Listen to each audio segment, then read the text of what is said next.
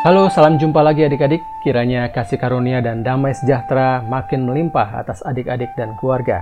Kembali kita bersama merenungkan firman Tuhan yang kali ini diambil dari Efesus 6 ayat 1 sampai 3. Silah adik-adik persiapkan Alkitabnya ya. Nah, sebelum membaca bagian Alkitab atau firman Tuhan hari ini, yuk kita berdoa. Tuhan Yesus yang baik, terima kasih buat hari ini kami kembali diperkenankan membaca dan mendengarkan firman Tuhan. Ajar kami mengenalmu lebih dalam lagi setiap hari. Dalam namamu, Yesus Tuhan dan Juru Selamat kami, sudah berdoa. Amin. Efesus 6 ayat 1 sampai 3. Hai anak-anak, taatilah orang tuamu di dalam Tuhan, karena haruslah demikian. Hormatilah ayahmu dan ibumu, ini adalah suatu perintah yang penting, seperti yang nyata dari janji ini, supaya kamu berbahagia dan panjang umurmu di bumi. Demikian pembacaan firman Tuhan, yang berbahagia adalah mereka yang mendengarkan firman Tuhan, memeliharanya dalam hati dan melakukannya dalam kehidupan sehari-hari.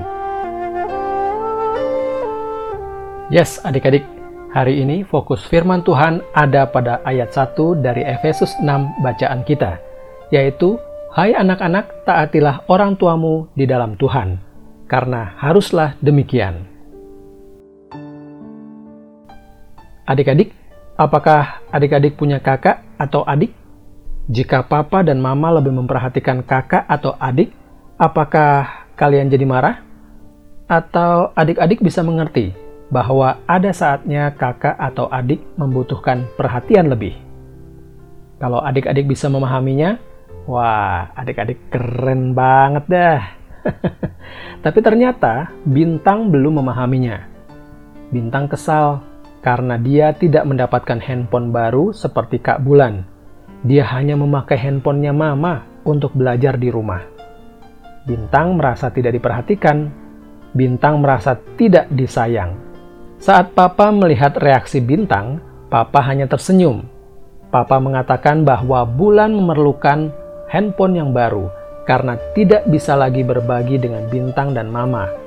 Pelajaran dan tugas sekolah Kak Bulan juga sudah semakin banyak, sedangkan Bintang masih bisa memakai handphone Mama. Papa menjelaskan kepada Bintang bahwa dia masih belum saatnya memiliki barang tersebut. Papa dan Mama mau agar Bintang belajar dengan rajin tanpa terganggu dengan gadget, terutama dengan game yang ada di dalamnya. Nah, Mendengar penjelasan papa itu, Bintang belajar untuk taat kepada papa dan mama.